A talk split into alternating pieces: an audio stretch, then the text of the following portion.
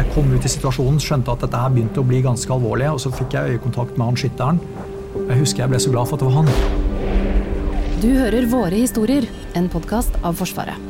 Assads konteinere, del to av to.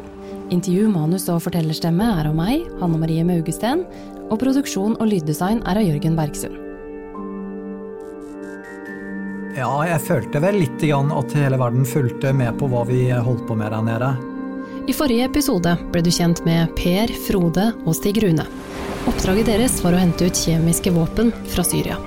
Det norske mannskapet reiste nedover like før jul med to skip, en fregatt fra Forsvaret og et sivilt lasteskip, Taiko.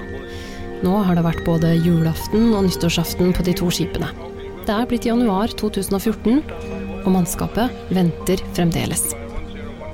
Det er stadige forsinkelser.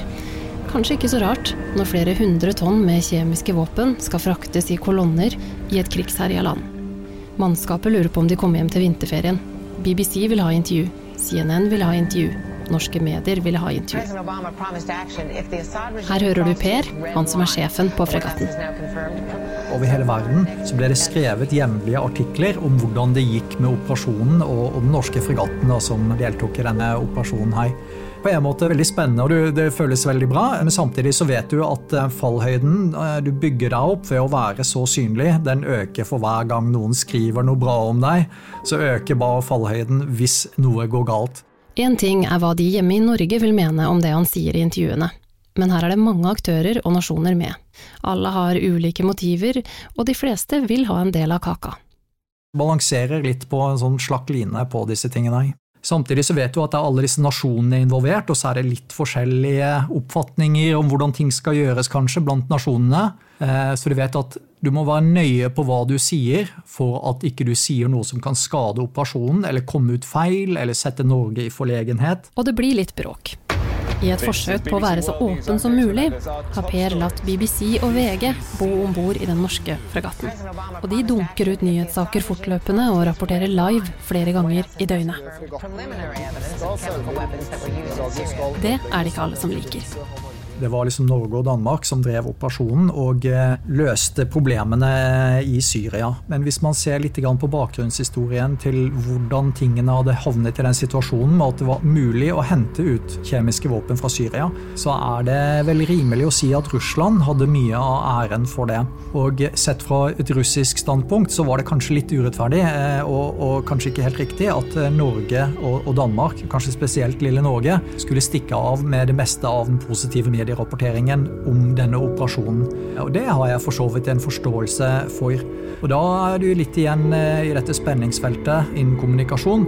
Det at vi kommuniserte så mye, gjorde at eh, det ble litt dårlig stemning kanskje i forhold til russerne, som kanskje følte at de fikk litt for lite kreditt for den betydelige jobben de hadde gjort for å legge forholdene til rette for at denne operasjonen skulle finne sted. Og nettopp det får Per og de andre nordmennene en rimelig tydelig beskjed om fra russerne. Ja, det er klart Vi fikk jo eh, tilbakemeldinger på at eh, den kommunikasjonsprofilen vi hadde lagt oss på eh, på den norske fregatten, var betraktet som litt for mye. Så vi fikk vel noen relativt klare anmodninger om å ta ned medieprofilen noe. Det er litt trykkokerstemning her nå. Tyrkiske og israelske jagerfly suser over hodene til nordmennene. Det er droner i lufta. Franske og amerikanske ubåter er fremdeles å se på systemene og rundt de to norske skipene ligger en dansk, en britisk og en fransk fregatt. I tillegg det russiske krigsskipet Peter den store. Og akkurat når Per og de andre nordmennene tenker at nå er det ikke plass til flere, så dukker Kina opp med et krigsskip. Det har kallesignalet Chinese Dragon. Yanchul is a guided missile frigate to join the fleet of vessels preparing to collect the most dangerous of Syria's chemicals. Your Majesties, i 2014 så var det politiske forholdet mellom Kina og Norge fremdeles på frysepunktet etter fredsprisutdelingen til Liu Xiaobo. At Kina og Norge på dette tidspunktet har så å si null diplomatisk kontakt, er litt kinkig for Per. Per er tross alt avhengig av å kunne kommunisere greit med det store kinesiske krigsskipet som nå ligger ved siden av dem. Krigsskip og marineoffiserer vi er jo litt konservative og litt tradisjonsbundne, så vi, vi, vi kan ikke leve med at det ligger en eh, kollega uten at vi oppretter kontakt med den andre sjefen. Men hvordan skal han åpne den samtalen? Per har mange år i marinen bak seg og kan en del om etikette til sjøs. Dessuten har han også tre år med utdanning fra den britiske marinen. Og det er mye som er likt mellom den britiske og den norske marinen, men er det én ting britene kan, så er det vel te på riktig tidspunkt, titler og tradisjoner. Og den britiske marinen står heller ikke tilbake for noe når det kommer til god militær etikette. Og kanskje er det det Per nå lar seg inspirere av. Så da skrev jeg et håndskrevet brev til den kinesiske skipssjefen og eh, forseglet konvolutten og, og, sendte det med fotordonnans eh, over til det kinesiske fartøyet. Og nå lurer du kanskje på hva en fotordonnans er for noe. En ordonnans er en budbringer. En militær person sjefen stoler på til å overlevere viktige dokumenter, ordre eller beskjeder. Under første og andre verdenskrig så hadde man egne soldater som hadde dette som jobb. Å løpe, med livet som innsats, gjennom felten med beskjeder. Per tenker at dette her kanskje er en situasjon hvor det ikke er så dumt med litt tradisjonell militær etikette, og hvor det kanskje kan passe å sende nettopp en fotordonnans. Og spurte om det var mulig å få komme om bord og hilse på han og, og få se nærmere på den eh, flotte fregatten han hadde. Og det virker. Og Da gikk det ikke mer enn en halvtime før eh, det kom en kinesisk ordonnans tilbake med et håndskrevet brev, og som sier at det hadde den kinesiske sjefen satt veldig stor pris på. I og med at Kina og Norge ikke har noen handelsforbindelser på denne tida, så går Per ut fra at det er eh, dårlig med norsk laks om bord på den kinesiske fregatten. Så han spør sin egen kokk, Stuarten, om de ikke har nettopp et stykke norsk laks liggende. Og det har Stuarten. Så Per drar av gårde med en tolk og en pakke norsk laks, pent pakket inn under armen og kom komme om bord der på et eh, tydelig velfungerende og veldrevet krigsskip. Og tatt inn på lugaren hans der, og vi satt egentlig og pratet eh, sammen i en times tid. Ved hjelp av litt tolker og forskjellig, så hadde vi en, en veldig god samtale, han og jeg. Hjemme får norske myndigheter beskjed om at det er oppretta forbindelse mellom den kinesiske og norske fregatten, og at de to krigsskipene kommer til å seile sammen i formasjon et stykke ut i Middelhavet. Noen uker senere treffer storpolitikken igjen den norske fregatten. Ukrainske styrker hevder Russland har stilt ultimatum på Krimhalvøya. For i mars 2014 annekterer Russland Krimhalvøya. Og selv om Middelhavet er et stykke unna, så kjenner Per spenningene også der. Norges utenriksminister går offentlig ut og fordømmer det som skjer. USA truer med økonomiske sanksjoner. Og Per, han ligger midt mellom Russlands største hangarskip og største krigsskip. Så vi var på en måte omgitt av disse svære russiske krigsskipene mer eller mindre hele tiden, og, og på en måte måtte ha et forhold til de. Og plutselig invaderer eh, Russland Ukraina så var ikke jeg på en måte bekymret for at russerne skulle begynne å skyte på oss av den grunn, men det oppstod plutselig en veldig uavklart situasjon mellom Vesten og Russland. Hvor man var litt usikker på hva dette egentlig var, den invasjonen, og hvordan man skulle håndtere det. Og for meg som lokal sjef der nede, som da var så tett på så mange russiske krigsskip, så havner du fort i en litt sånn spenningsfelt hvor du må ja, konsentrere deg litt ekstra, egentlig. Og det er nå, med de politiske spenningene på topp, at Taiko endelig får beskjed om at det er deres tur til å hente ut de kjemiske våpnene fra Syria. På den norske fregatten er klokka seks på morgenen når Per står opp. De har endelig fått klarsignal til å seile inn til Syria for å begynne lastingen av konteinerne med kjemiske våpen. Du ser tilsynelatende alt er normalt, og, og, byen fungerer, og menneskene fungerer. De går ut og handler mat, drar hjem og lager mat, og ungene går på skole og sånn. Men så vet du at det er rakettnedslag her, du vet det var et luftangrep mot Latakia for to dager siden ikke sant, med et x antall døde. og Det er en litt sånn eh, rar ting å oppleve, men eh, viser kanskje liksom hvor tilpasningsdyktige mennesker er. da, At de, eh, livet går videre selv om det er krig. altså. Per starter morgenen med å gjøre sin egen lugar klar. Og når du skal inn i et område hvor det er krig, så betyr det å gjøre lugaren sin klar noe litt mer enn å bare re opp senga. Det betyr at alle løse gjenstander pakkes ned. Alt av stoler og sånne type ting bindes fast, sånn at, eh, at, det ikke ligger noen ting som hvis vi tar en treffer av noe slag, så får du liksom ikke ting som blir spredd rundt i høy hastighet. Alt er liksom surra fast. Og du kan si lugaren min, da, som jeg gjorde klar til strid, du skal kunne snu den på hodet, og ingenting flytter på seg. Så går Per gjennom trykkslusene i de grå korridorene og til broa. Hjertet i fregatten, styrhuset. Og så eh, er det å gjøre seg selv klar ikke sant? og finne fram eh, alt utstyret du trenger eh, for dagen. Og så blir det å få i seg litt grann kaffe.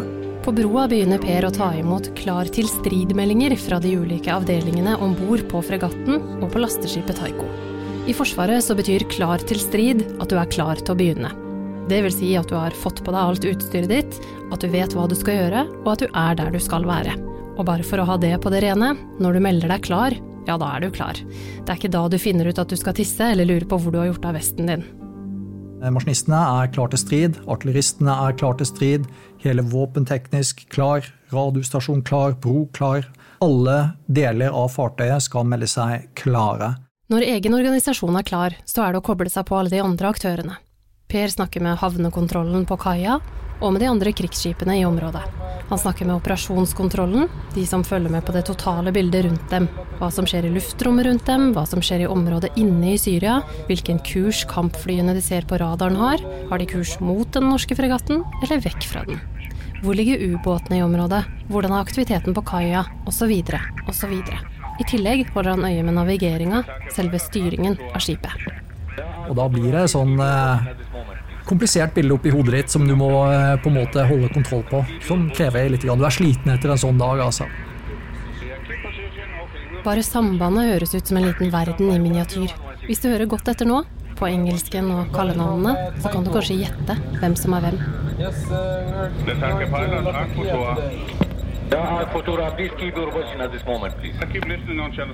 den norske fregatten og lasteskipet Taiko seiler nå innover mot havnebyen Latakia i Syria sammen med danskene.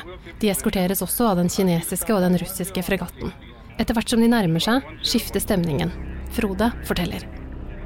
Da endrer skal si, altså Man skrur på bryteren på en annen måte, for da, da er den delen av operasjonen på gang. Nei, Det er jo der det er størst sjanse at noe kan skje. Og vi skal få om bord nye konteinere. Hva er status der? Hva kan skje på kaia? Hva venter oss når vi kommer inn? Er ting sånn som vi forventer? Det er jo den mest ja, den kritiske fasen. Og nå som fregatten og lasteskipet nærmer seg kaia i Latakia, er det én ting til de må forholde seg til. Frontlinja. Så visste jeg også at eh, opprørerne hadde et eh, system, et våpensystem som heter BM21 grad, som er eh, kanskje bedre kjent som Stalin-orgel. Stalin-orgel er raketter som ble brukt under andre verdenskrig av sovjetiske styrker. De tyske soldatene som fikk disse mot seg, døpte rakettene Stalin-orgel pga. den uhyggelige lyden. Så jeg visste at sånn teknisk sett så er vi innenfor rekkevidde av dette våpensystemet her. Når det står og vurderer sånne ting, så tenker jeg at ok, hvis det skjer, og en sånn rakett treffer en container, så er det kjempekrise. Det kan medføre spredning av nervegasser, sennepsgass, klorgass og sånn. Så det ligger litt i bakhodet hele tiden. Hva hvis dette skjer? Hva gjør vi da? Tenker jo på alle menneskene som vil bli rammet av dette her, altså. Og det, det er jo relativt grusomt. På lasteskipet Taiko står Stig Rune, forskeren fra FFI, klar. Han har fått på seg utstyr og skuddsikker vest. Men, men, det er masse folk. Jeg tror Når vi kommer lenger inn i havna og skal til å få tøya, så ser han at det er masse folk i havna. Det digre lasteskipet Taiko legger til kai. Fregatten ligger hvilende i havnebassenget utenfor og passer på. Det er bare tre nordmenn som skal gå i land, og Stig Rune er en av dem. Men selvfølgelig så er han jo spent. Han er jo da Taiko begynner nå å senke ned den enorme lastelemmen sin. Og siden Taiko er så stort, så tar bare det å senke ned lastelemmen 20 minutter. Bak lemmen som nå åpner seg, står en spent Stig Rune. Han skal gå i land sammen med overstyrmannen på Taiko og en såkalt EOD-ekspert fra Forsvaret. En EOD-ekspert er spesialist på eksplosiver. EOD-eksperten har også med seg en bombesøkerhund, for én ting er hva som er inni konteinerne, en annen ting er hva konteinerne kan være rigga med av bomber eller eksplosiver på utsiden. Når den store lastelemmen til Taiko går ned, og en ser ut når en ligger, ligger langs kaia og skal gå på land, så, så, er det jo en spesiell uh, følelse. Men uh, i alle sånne situasjoner så tror jeg det har veldig masse med å si hvordan andre rundt en oppfører seg. Det at andre rundt deg er rolig, har mye å si for hvor stressa du selv blir. Derfor lærer ledere i Forsvaret at i stressa situasjoner så er det bedre å snakke høyt enn å skrike, og kanskje er det også bedre å gå fort enn å løpe. Frykt og stress smitter, og hvor rolig sjefen din er, har også mye å si for hvor rolig laget er. Og folka rundt Stig Rune, de er rolige, til tross for den spente situasjonen. Lastelemmen er nå nede, og Stig Rune ser seg rundt. Det han kanskje lurer mest på, hvem skal jeg snakke med her, med alle de folka som er i havna? Men så, så ser en jo etter hvert ok, der er nok OPCW-inspektører som er La oss prøve dem. På kaia blir Stig Rune møtt av syriske myndigheter og inspektører fra OPCW. OPCW er organisasjonen for forbud mot kjemiske våpen, og de som leder operasjonen sammen med FN og de andre aktørene. Og mens bombehunden søker rundt konteinerne, sjekker Stig Rune at papirene stemmer overens med det som faktisk er i konteinerne. Det er viktig at en òg gjør sine egne vurderinger og kontroller, og da at en ikke stoler blindt på hva som blir fortalt en. Og eh, det var vel Lastepapirene er ikke helt som de skal. Og dessuten så bærer tønnene preg av å være pakka og stabla i hu og hast. Det er ikke så bra, spesielt når kjemikaliene er så farlige som det de er. Det var egentlig ganske dårlig, den pakkinga som var gjort. Utgangsstoffene i konteinerne foran dem er såpass giftige og farlige at Stig Rune og resten av teamet har laga en egen plan for hvilke konteinere som kan stå ved siden av hverandre og ikke, og i hvilken rekkefølge de skal lastes. Det har en god del å si at du separerer stoffene mest mulig.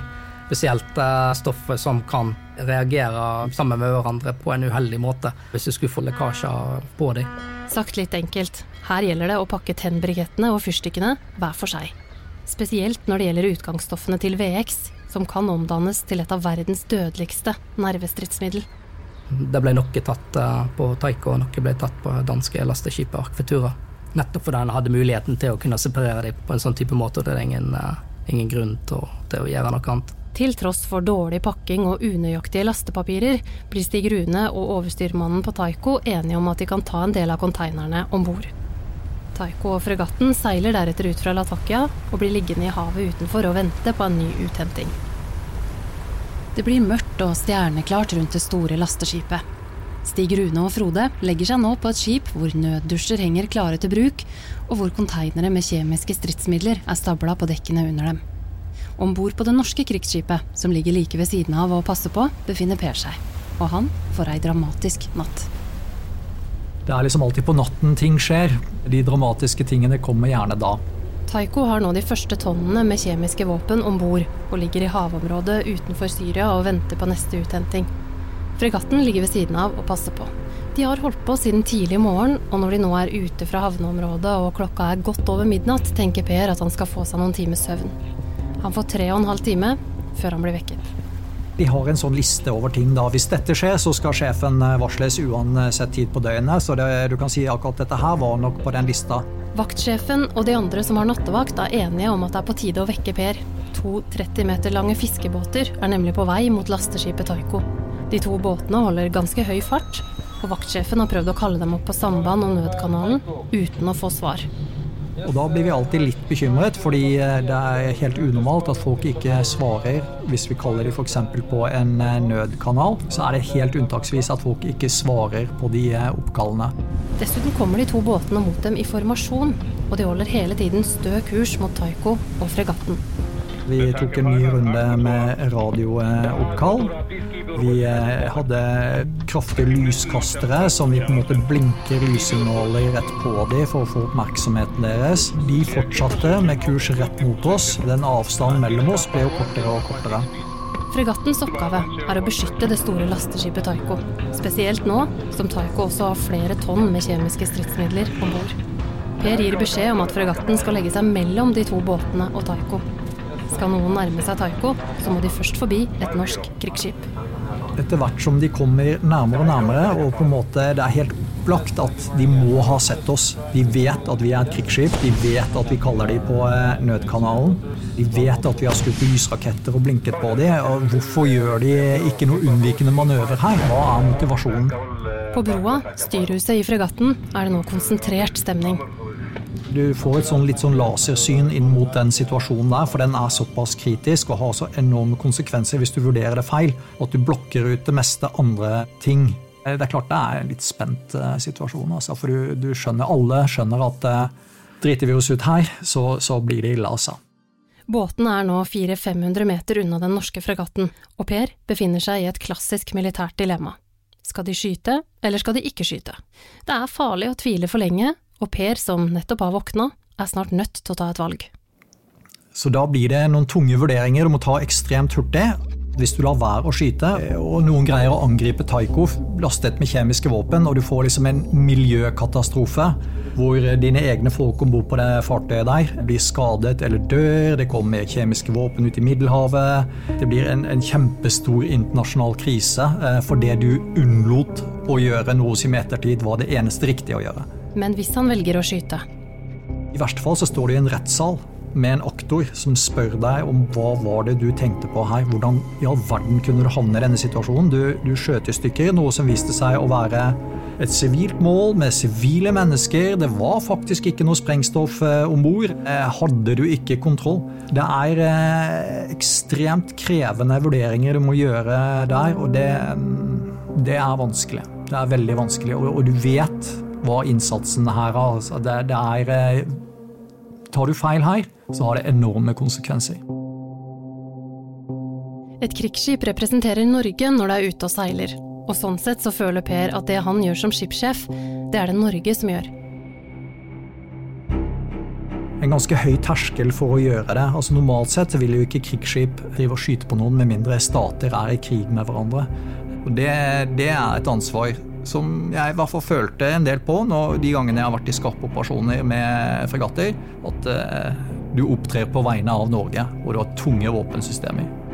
Båtene er nå bare et par hundre meter unna og nærmer seg i høy fart. Som en siste utvei bestemmer Per seg for at de skal skyte ut 40 mm sjokkgranater. De fungerer som kraftige varselskudd. De lager mye lys og lyd, men er ikke ment som dødelige våpen. Her må vi bare få unna noen sjokkgranater og se om det hjelper. Hvis ikke er vi nødt til å skyte med skap. Og da skjøt vi først én sjokkgranat. Ingen reaksjon. Én til. Ingen reaksjon. Og da hadde jeg egentlig bestemt meg for at her må vi bare gjøre klart å skyte med skap, men vi gir det én sjokkgranat eh, til. Og nå går det meste på drill. Det de har øvd på tusenvis av ganger. Likevel så er det i situasjoner som denne at folkene rundt deg blir ganske viktige. De du kjenner, og de du stoler på. Men jeg husker den eneste på en måte øyekontakten jeg hadde, var med han som drev og skjøt disse sjokkgranatene, som jeg hadde kjent i mange år. Og jeg, jeg, bare, jeg, kom ut i situasjonen, skjønte at dette her begynte å bli ganske alvorlig, og så fikk jeg øyekontakt med han skytteren.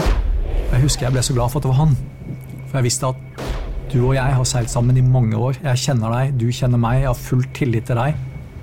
Så dette kommer til å gå bra. Så det, det var på en måte den eneste øyekontakten og på en måte menneskelige kontakten jeg hadde i løpet av den eh, seansen her. Eller så var det litt sånn robotdrill uh, gjennom det, uh, egentlig. Nå er de to båtene bare 50 meter unna, og de holder fremdeles høy fart rett mot dem.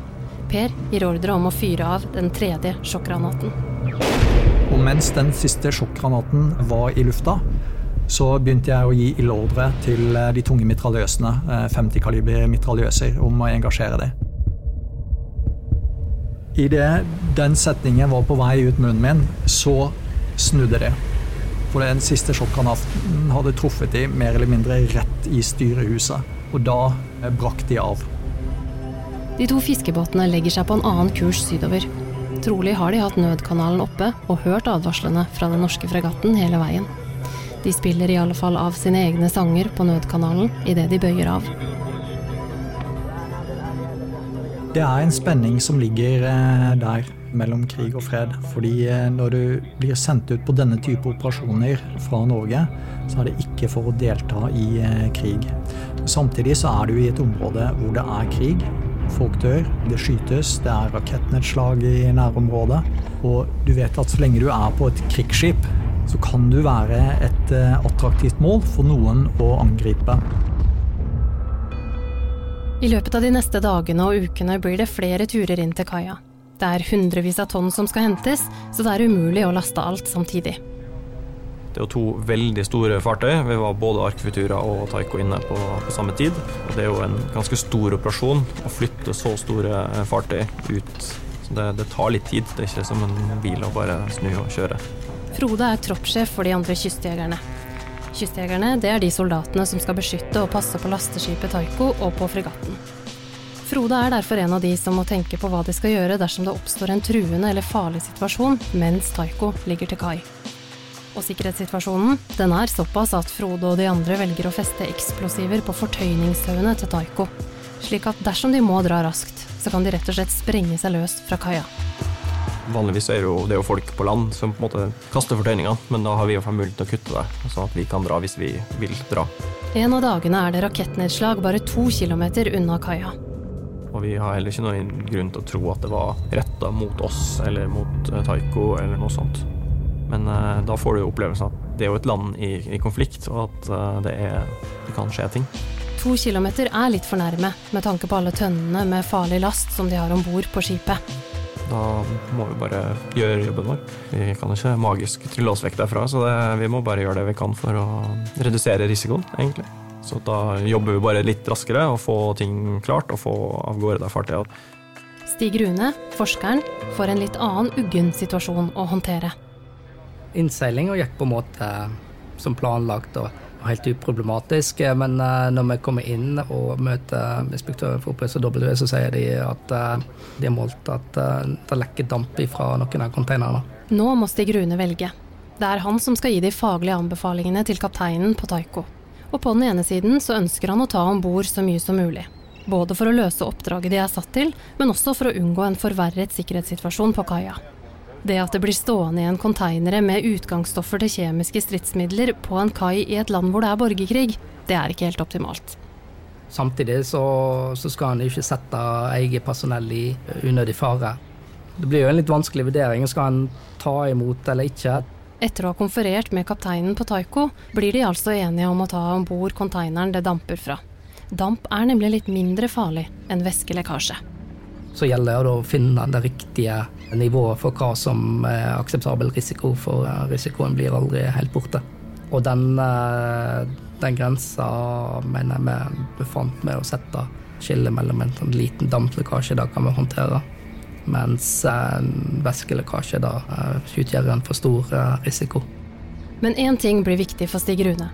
Han vil ikke reise fra havna før han har fått i stand en avtale om at de kan levere tilbake konteineren dersom det plutselig blir en større væskelekkasje fra den. Uten en slik avtale så kan jo risikere å bli liggende til havs med kjemikalier som lekker, og ingen som vil ta dem imot.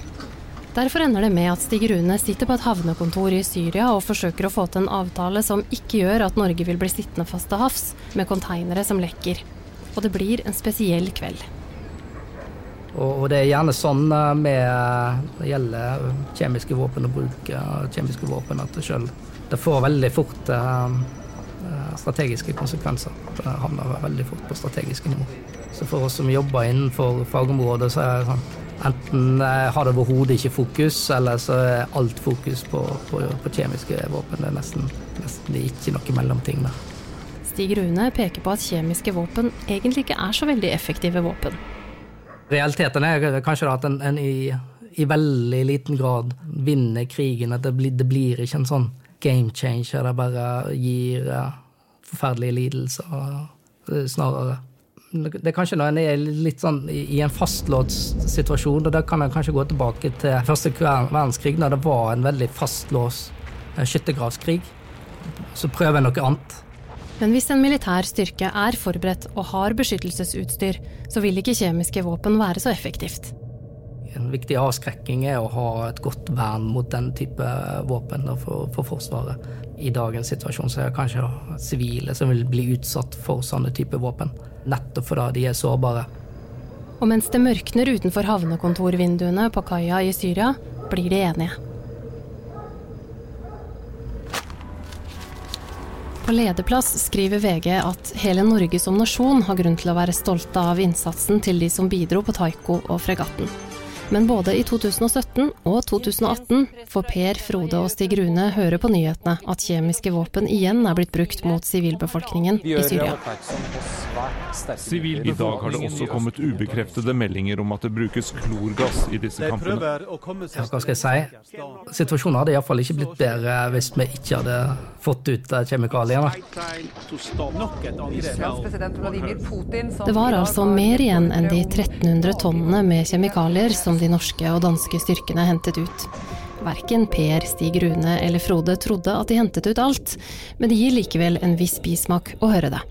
Jeg mener jo fortsatt at det var et meningsfullt og viktig oppdrag, og en bra ting å gjøre. Så jeg er jo først og fremst veldig privilegert og heldig som fikk lov til å være med på en egentlig ganske sånn historisk operasjon. Kjemikaliene som ble henta ut, ble henta ut fra områder hvor IS og andre terroristgrupper senere tok over. Noe som gjør at Per håper og tror at det norske bidraget har spilt en rolle i å unngå at i alle fall 1300 tonn med kjemikalier havna i hendene på slike grupperinger. Det er en veldig god følelse å ha, å føle at vi har eh, greid å bidra til å gjøre verden kanskje et bitte lite grann bedre sted, i hvert fall lokalt nede i Syria. Det, det føltes eh, veldig bra. De farligste kjemikaliene ble destruert om bord på det amerikanske marinefartøyet Cape Ray. De andre kjemikaliene ble fraktet til Finland og Texas og destruert der. Det er viktig at, eh, at en fortsetter å, å jobbe for å bli kvitt kjemiske våpen, og samtidig som en forbereder seg på å kunne beskytte seg mot den type trusler. Jeg tror aldri jeg var lei en eneste dag i den operasjonen. Ikke én dag. Jeg var sliten enkelte dager. Jeg kunne være frustrert noen dager. Men jeg var aldri lei eller i en tilstand hvor jeg ønsket meg til å være et annet sted. Per har tenkt litt på hva det er som gjør at de får det til. For det å reise til Syria på to dagers varsel er egentlig ikke lett. Det er masse papirer og logistikk og ting som må gå i orden. Det er ganske mange som må si ja til ganske mange ting. Norge er et veldig lite land. Det bor altså færre mennesker i kongeriket Norge enn det bor f.eks. i London eller i Paris.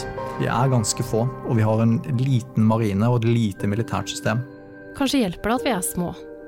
At det tross alt er ganske flate strukturer og kort vei til de som bestemmer. Jeg tror det norske samfunnet generelt, og kanskje det norske forsvaret spesielt, er effektivitets- og løsningsorienterte strukturer. Vi blir forelagt et problem, og så går vi sammen og så løser vi det problemet eller utfordringen eller hva det måtte være. Det tror jeg kjennetegner både Norge og Forsvaret. Og når du har den inngangsverdien, så er det veldig mye du kan få til med relativt eh, lite ressurser. Og så er det én ting til, tror Per. Menneskene. Laget. Alle de enkeltpersonene som blir ringt den fredagen like før jul og spurt om å strekke seg litt ekstra. Det var verdens beste gjeng som dro nedover. Vi hadde hatt veldig mye seilingstid sammen før vi dro, så vi var en ganske godt sammensveiset gjeng som kjente hverandre veldig godt. Alt dreier seg om menneskene. Menneskene er det viktigste du har. Hvis ikke menneskene fungerer, så er det ingenting som vil fungere. Til sammen henter danske og norske styrker ut 1300 tonn med kjemikalier fra Syria. Blant kjemikaliene er det bl.a. sennepsgass og stoffer til å lage sarin og VX. Siste uthenting skjer i juni 2014. Du har hørt Assads konteinere, del to av to. Våre historier er en podkast av Forsvaret. Intervju, manus og fortellerstemme var ved Hanne Marie Maugesten, og produksjon og lyddesign er gjort av Jørgen Bergsund. Takk også til Line Bie, Truls Rakfjord, Tina B. Christensen, Jakob Østheim, Hege Dyrhaug Moe, Fredrik Tandberg, Lars Magne Hovtun og Alexander Hage.